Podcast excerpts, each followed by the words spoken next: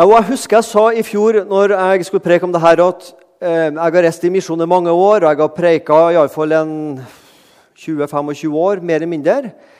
Og jeg tror aldri, eller jeg vet at jeg aldri sånn sett har preika om Maria som en egen tale. Hun er selvfølgelig nevnt, men en egen tale om Maria hadde jeg aldri hatt.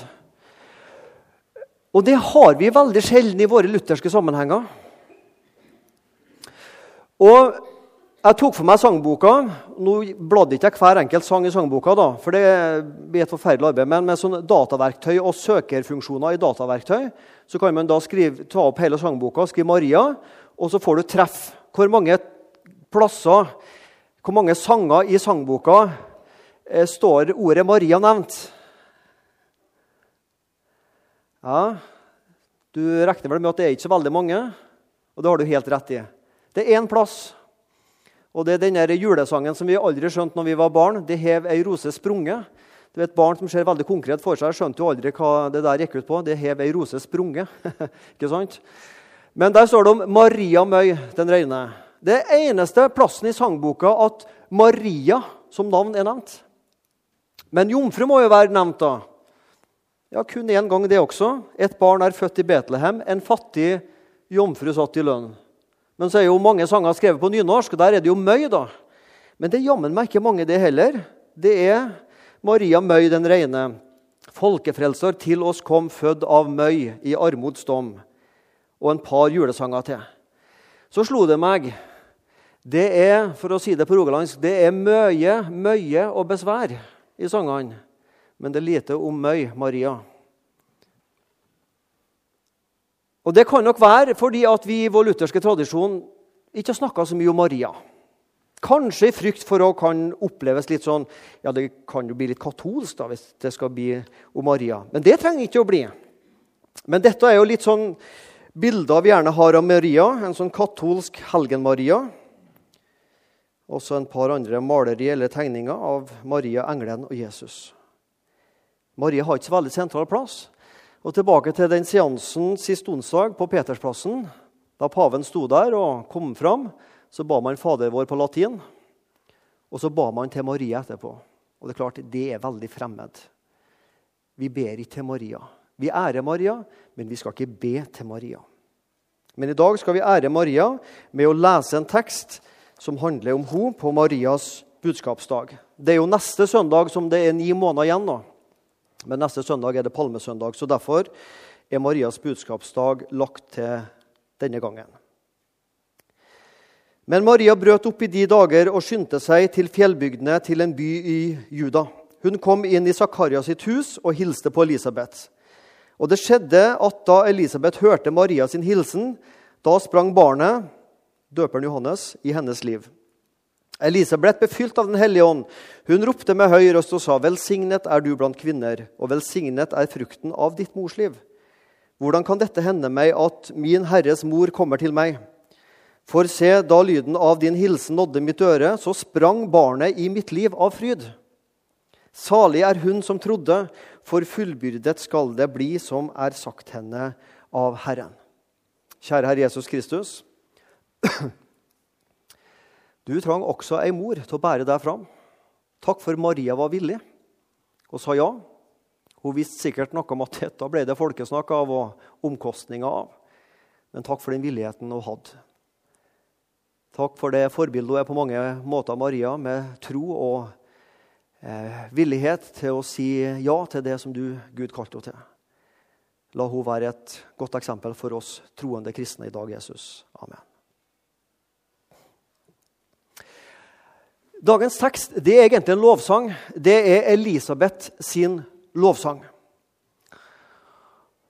Og når Jesus ble født, da Jesus ble født I de to første kapitlene hos Lukas så er det ikke mindre enn sju plasser at det lovsynges. Først er det Elisabeth her. Og så er det Maria de påfølgende versene lovsynger. Og så når mannen til Elisabeth, Zakaria, får igjen stemmen, og går fra tvil til tro, så lovpriser han også. Englene lovpriser på Betlehemsmarkene. Hyrdene de var jo først forferda, men når de skjønte hva det dreide seg om, så lovpriste de også. Og Da Maria og Josef tar med seg Jesus åtte dager senere til tempelet og møter Simon, så lovpriser han. Og Så møter de Anna Fanuelsdatter, 83-84 år. Hver dag i tempelet, natt og dag, og tjente Gud. Snakk om sprek 3-84-åring. ja, satt ikke seg ned, altså. Nå er livet ferdig, nå bare slapper jeg av. Nei, 84 år, sto på for Gud og lovpriser. Jesus, innholdet og Det står om både Zakaria, Elisabeth og, og, og Simon at de ble fylt av Den hellige ånd. Jesu fødsel, innholdet Jesus, åndsfylden, Den hellige ånd, og så lovprises det. Og det er en flott treenighet. Innholdet og Den hellige ånd kommer til, og så skaper det lovprisning og tilbedelse hos en troende. Og det skjedde at da Elisabeth hørte Marias hilsen, så sprang barnet i hennes liv. Ja Det var ikke akkurat noen 60-meter han kunne sprenge inni der, da. Men det er jo bare et sånn poetisk uttrykk for at han sparka fra seg. Jeg vet ikke hvor mye vi skal legge i dette, her, for barn sparker jo i, i magen til ei gravid kvinne. Det, det, vet vi jo at det gjør. Men det jeg tenker og igjen mulig jeg drar det litt langt her, men det får så være. Men her møtes to gravide kvinner. Og Johannes har jo ingen bevissthet om egen person der han ligger. Det er jo ikke et foster som har. Men så, møter, så kommer han i kontakt med Jesus. De nærmer seg. Og så skjer det en reaksjon i døperen Johannes sitt liv fordi han kommer i kontakt med Jesus. Han spenner fra seg. Møtet med Jesus skaper bevegelse hos et menneske. Til og med hos et foster som spenner fra seg. Å komme nær Jesus og møte Jesus, og så gir man et lite spark eller to. Bevegelse. Og Det er jo det det handler om for deg og meg også. Vi som har møtt Jesus, vi sier jo gjerne at vi er med i en misjonsbevegelse. Ja, det er et flott uttrykk. Men jeg spør meg av og til sjøl hvor mye bevegelse er det i mitt liv fordi jeg har møtt Jesus. Er det godstolen som tar meg? Og så er det mye bevegelse i hodet og tanker og meninger om ting som jeg er kritisk til. og sånn. Ja, Det kan være nødvendig av og til. Men er det noen bevegelse i livet mitt ut til andre mennesker med budskap om Jesus? Er det noe bevegelse fra hjertet ut munn i en lovprisning til Jesus? Spenner du og jeg fra oss som troende? Han har satt min sjel i brann og min kropp i bevegelse. Eller har vi satt oss til, og så det dødt både i hjertet og i tanke og i munnen vår og i livet vårt? Elisabeth ble fylt av Den hellige ånd. Hun ropte med høy røst og sa, Velsignet er du blant kvinner, velsignet er frukten av ditt morsliv. Hør, hør nå den spørsmålet som kommer. Hvordan kan dette hende meg, at min Herres mor kommer til meg? Det er ikke sikkert du tenker over det med en gang, men jeg, har, jeg lurer på hvordan kan Elisabeth si det hun sier? Eller for å si det på en annen måte Forstår egentlig Elisabeth hva hun sier for noe? Det tror ikke jeg. Jeg tror ikke Elisabeth skjønner hva hun egentlig spør om der. Hva er grunnen til at min Herres mor kommer til meg? Altså Min Herres mor, det er Maria. Og da må Maria ha et barn som er herre til Elisabeth. Men det hadde jo ikke Maria på dette tidspunktet. For Jesus var jo hennes førstefødte. ikke sant? Hva er grunnen til at min Herres mor kommer til meg? Det vil si at den Elisabeth snakker om, det er jo barnet i Marias mage. Kunne Elisabeth skjønne at det barnet i fosteret i, i, i, magen til Maria var hennes herre? Det tror ikke jeg. Jeg tror ikke hun skjønte hva hun sa. Og, det, og, og der er vi også inne på et poeng. Kristendom handler selvfølgelig om å skjønne og forstå. Kristendom er ikke for de dumme, de som ikke skjønner noe. Men kristendom handler først og fremst om at det er sannheter som blir åpenbart, som vi ikke av oss sjøl kan skjønne. Er du med? For dette kunne ikke Elisabeth av seg sjøl skjønne, at det barnet som lå der, var hennes herre. Kristendom er en åpenbaringsreligion. Det som er kjernen i kristentroa, det kan ikke vi skjønne av oss sjøl. Det må gis oss, det må åpenbares for oss. Du, vi har en liten parallell til noen år seinere. Så er det yppersteprester og Jesus som diskuterer. Det gjorde de jo rett som det var. Og så stiller de Jesus et spørsmål. Og så stiller Jesus et spørsmål tilbake. Og spørsmålet er sånn Hvordan kan kong David kalle Messias herre, og samtidig er Messias Davids sønn? Hvordan kan kong David kalle frelserkongen Messias for sin herre, og samtidig så er Messias Davids sønn? Hvordan kan en sønn være både samtidig sønn og herre? Det er også umulig. Jo, fordi Messias er jo Jesus, som var før David. Men Jesus blir jo født i Davids slekt. Han er samtidig Davids herre og Davids sønn. Men det tror ikke jeg David skjønte av seg sjøl. Men Gud ga det til ham som en åpenbaring, som han laga en salme av, og som vi har i vår bibel. Kristendom er en åpenbaringsreligion, og det syns jeg er godt å vite. Det er ikke noen kloke hoder som bestemmer seg. Vi setter av ei helg på Tonhotell i Lillestrøm eller på Lillehammer, og så klekker vi ut en god religion. Og så kom de ut med kristendommen. Nei, det må åpenbares for mennesker hva dette er å dreie seg om. Så er det selvfølgelig en annen side ved kristendommen at kristendommen er forståelig. At den er logisk på mange måter. At ikke alt bare er totalt utenkelig. Det er også en sannhet ved kristendommen. Men i dag vil jeg stoppe for at det det dreier seg om, det må åpenbares oss, sånn at vi får se det. For vi klarer ikke å tenke det ut av oss sjøl. Salig er hun som trodde, for fullbyrdet skal det bli som sagt, er sagt henne av Herren. Salig er hun som trodde. Heldig er Maria som trodde. Og Elisabeth vet hva hun snakker om, for hun hadde en mann hadde en mann da, som heter Zakaria. Og Både Zakaria og, og, og, Maria fikk jo oppleve det samme, at en engel snakka til dem. Men de responderte på engelens tale på to helt forskjellige måter. Zakaria det kom en engel og sa du skal bli far, og Elisabeth skal bli gravid. og så lo Det er jo helt umulig. Han tvilte, og han ble stum helt til Johannes ble født. Maria hørte engelen, trodde og lovpriste. Og Her ligger det en dyp hemmelighet. For du og jeg vi hører Guds ord, og vi leser Guds ord.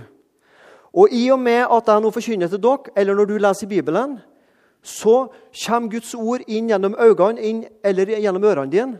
Og så går det ned i hjertet og gjennom tanken din.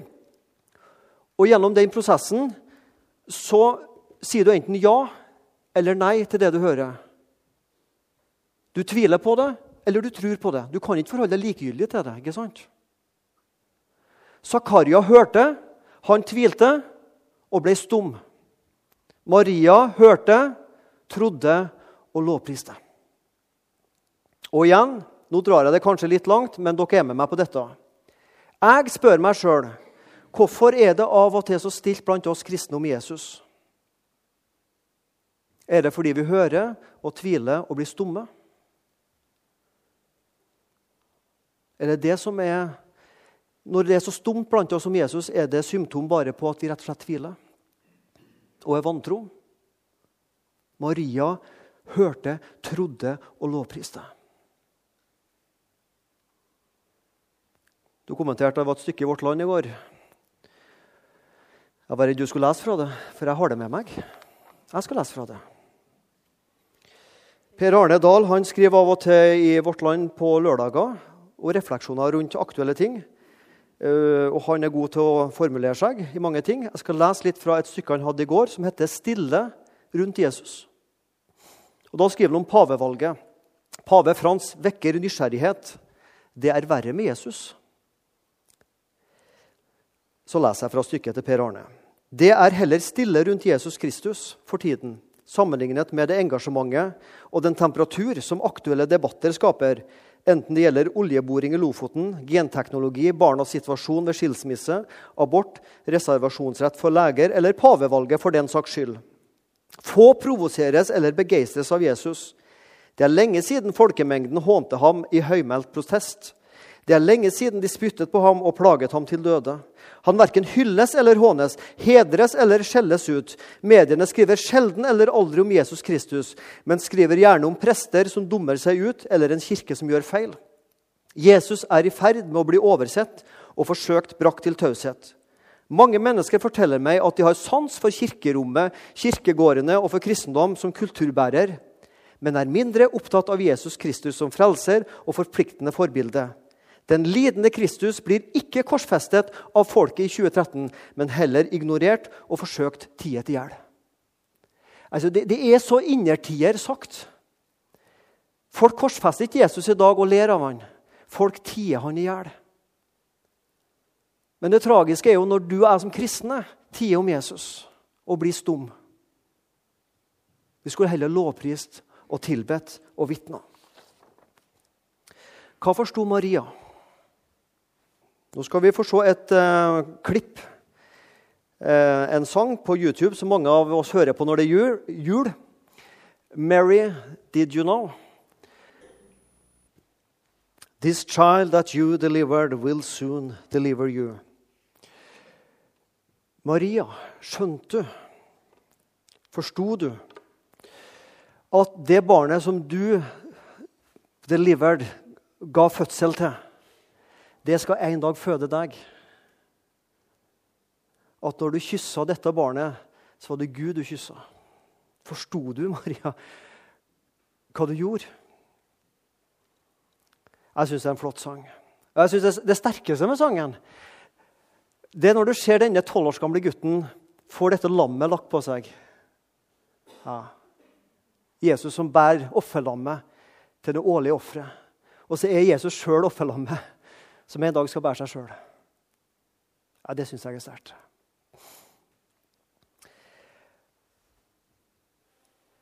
Jeg tror Det viktigste jeg kommer til å si i løpet av denne talen, det sier jeg i løpet av det neste minuttet. Fordi at det Maria måtte lære i løpet av disse åra, det er noe jeg kaller nederst der for rollebytte. Rollene mellom Jesus og Maria skulle og måtte byttes om. The, the child that you delivered, will soon deliver you. Det, ikke, det handler ikke om at du ga fødsel til Jesus, men Maria, du må lære at det er du som skal fødes av Jesus. Du, Maria, som bar Jesus så forsiktig og godt som barn. Maria, du må lære at det er du som trenger å bli båret av Jesus.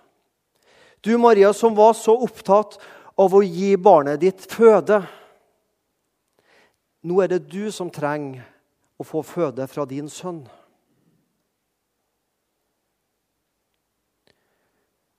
Maria, din sønn som kalte deg mor, og du vil alltid være mor, nå må du rope til din sønn som frelser.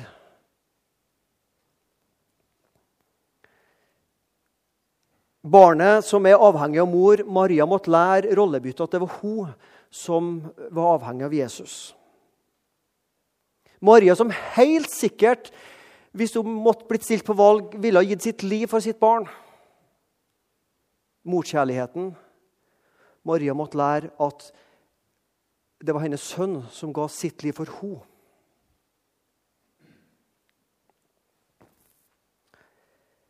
Maria som tok barnet inntil seg og sa 'du er min', hun måtte lære at det er hun som trenger å komme inn til Jesus, at Jesus får kviskre hun i ørene. 'Det er du som er min'.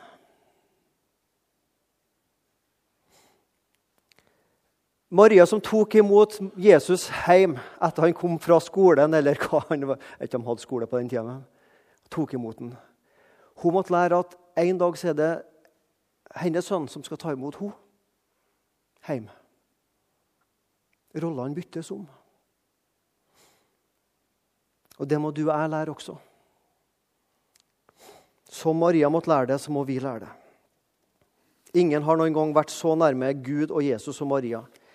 Ingen hadde så vondt ved korset som Maria. Sjøl ikke de to andre røverne på korset hadde så vondt som Maria hadde ved korset. Rollebytte. Jeg har lyst til å bruke de siste minuttene til å si noe om hva vi kan lære av Maria. Maria i 2013, eller hva kan du og jeg som lever i dag, lære av Maria? Og Det er mange ting. For det første ta tid til å tenke over og tenke etter. Ta tid til å tenke over og tenke etter. Hva mener jeg med det? Vi møter noen interessante begrep rundt Maria. Det står bl.a. at da englene har vært på besøk, så står det at hun grunnet på hva slags hilsen dette kunne være. Og da hyrdene var på besøk litt senere, Maria tok vare på alle disse ord og grunnet på dem i sitt hjerte. Josef og Maria undret seg over det Simon sa om barnet. Og som tolv år senere i tempelet i Jerusalem hans mor gjemte alle disse ord i sitt hjerte. Hun grunna på Guds ord, hun undra seg over Guds ord, og hun tok vare på det og gjemte Guds ord i sitt hjerte. Hva betyr det å grunne? Jeg tror Det å grunne over noe det er å tenke nøye over noe. Ikke bare tenke flyktig og fort gjennom det, men å tenke nøye over en sannhet. Og tenke nøye over det. Gjelder dette meg? Angår dette meg? Og hvordan angår det meg? Når du leser i Bibelen og har din stund med Bibelen og les Guds ord med tankene hva, hva i dette er det som Gud vil tale til meg i dag? Enkelte tenker skal jeg be først og så lese Bibelen. eller skal jeg lese Bibelen først og så be. Lesbe Bibelen. Du ber mens du leser. Ah, det, dette var interessant, Jesus. Hva betyr dette for meg i dag? Dette skjønner ikke jeg helt, Jesus. Kan du åpenbare det her for meg? Og Så les, ber vi Bibelen, og så blir det aktuelt for oss. Grunne. Den som ikke grunner, vil få et grunt kristenliv. Hvis du aldri grunner på noe i Guds ord, så vil det skape et grunt kristenliv. Å undre seg Maria undra seg over det Simon sa. Har du stoppa å undre deg i kristenlivet? Ja, det er farlig. Vi må undre oss. Tenk at det var også for meg at Jesus kom. Ikke bare for alle de andre, men for meg også. Å undre seg over det og stoppe over det. Undring er en fin ting. Undring er den beste medisin mot den åndelige sykdommen som kalles selvfølgeligheter. Ja, selvfølgelig er jeg kristen. Selvfølgelig skjønner jeg evangeliet. Selvfølgelig kan jeg rimelig iallfall nok av Guds ord. Selvfølgeligheter skaper likegyldighet. Og det å undre seg er den beste medisin mot åndelig selvfølgelighet. Virkelig dyp undring gir langvarig glede og takknemlighet. Hva kan vi lære av Maria? Tenk over, tenke etter, grunne, stoppe opp og undre seg litt. Ikke vær redd for å stille spørsmål. Litt tidligere i teksten vi las, eller før teksten, så står det når Maria snakker med engelen hvordan skal dette gå til når jeg ikke har vært sammen med noen mann? Altså, Du skal bli gravid, sier engelen. Så stiller hun det naturlige spørsmålet. Ja, hvordan skal dette gå til, jeg som ikke har levd sammen med en mann? Altså, Jeg har vanskelig sette meg inn i den situasjonen å møte en engel. og snakke med en engel. Men jeg vil jo tro at hvis jeg hadde møtt en engel, så ville jeg sagt Yes, sir. Yes, sir. Ville jeg jo blitt så eh, fryktinngytende redd at har sagt ja, ja, ja, ja, ja. ja. Men tenk Marie tora å stille engelen spørsmål. Og tora altså å stille spørsmål om det som også har med forplantning å gjøre. Kan du tenke deg? Hvordan skal dette gå til, jeg som ikke har vært sammen med noen mann? Tenk å stille en engel et sånt spørsmål. da. Og så stiller hun Jesus spørsmål. da. Hun går med sine problemer til Jesus. Hun var jo med i dette uh, bryllupet i Kana der de mangla Var det vann eller vin? Vin var det de mangla. Så går hun til Jesus med spørsmåla. 'Jesus, du må hjelpe dem.' Hun tør altså å gå med sine spørsmål til både en engel og til Jesus og Gud. Vi må ikke være redd for å stille Gud spørsmål. Gud blir ikke sjokkert. 'Herlighet, kan du stille sånt spørsmål?' For Gud vet jo allerede hva vi tenker.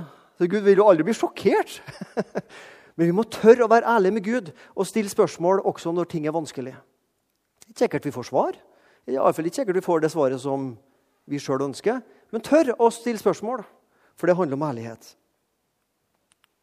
Ha holdningen 'Gud vet best'. For den holdningen hadde Maria. Gud vet best.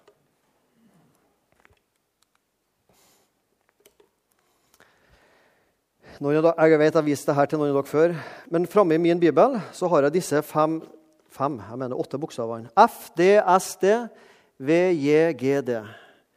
Det håper jeg kan være mitt slagord.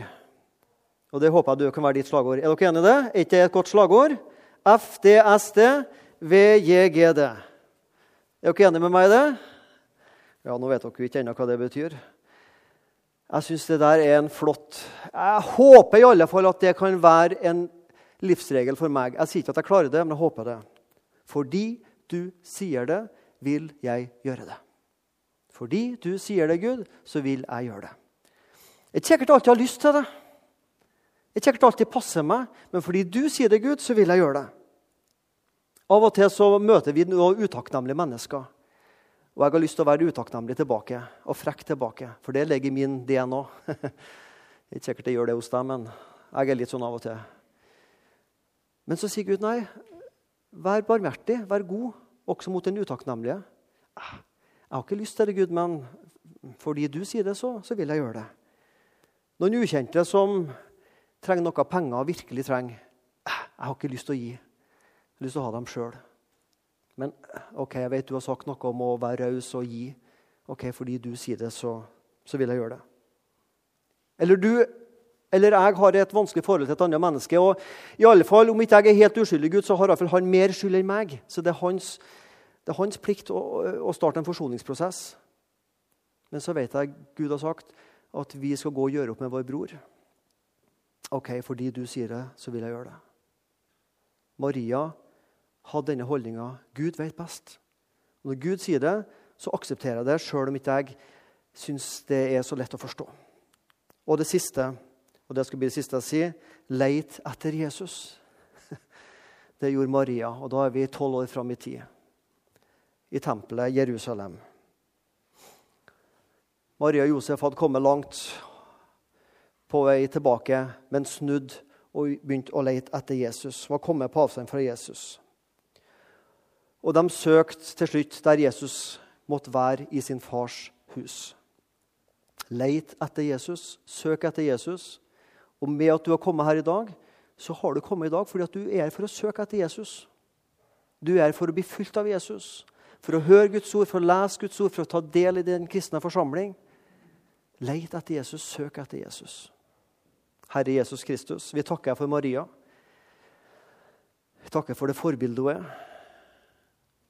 La oss lære av Marias tro, standhaftighet, ydmykhet. Viljen til å sette Guds rike først. Også frimodigheten til å spørre og ikke å gi seg. Herre, her kommer vi med våre liv framfor deg. Amen.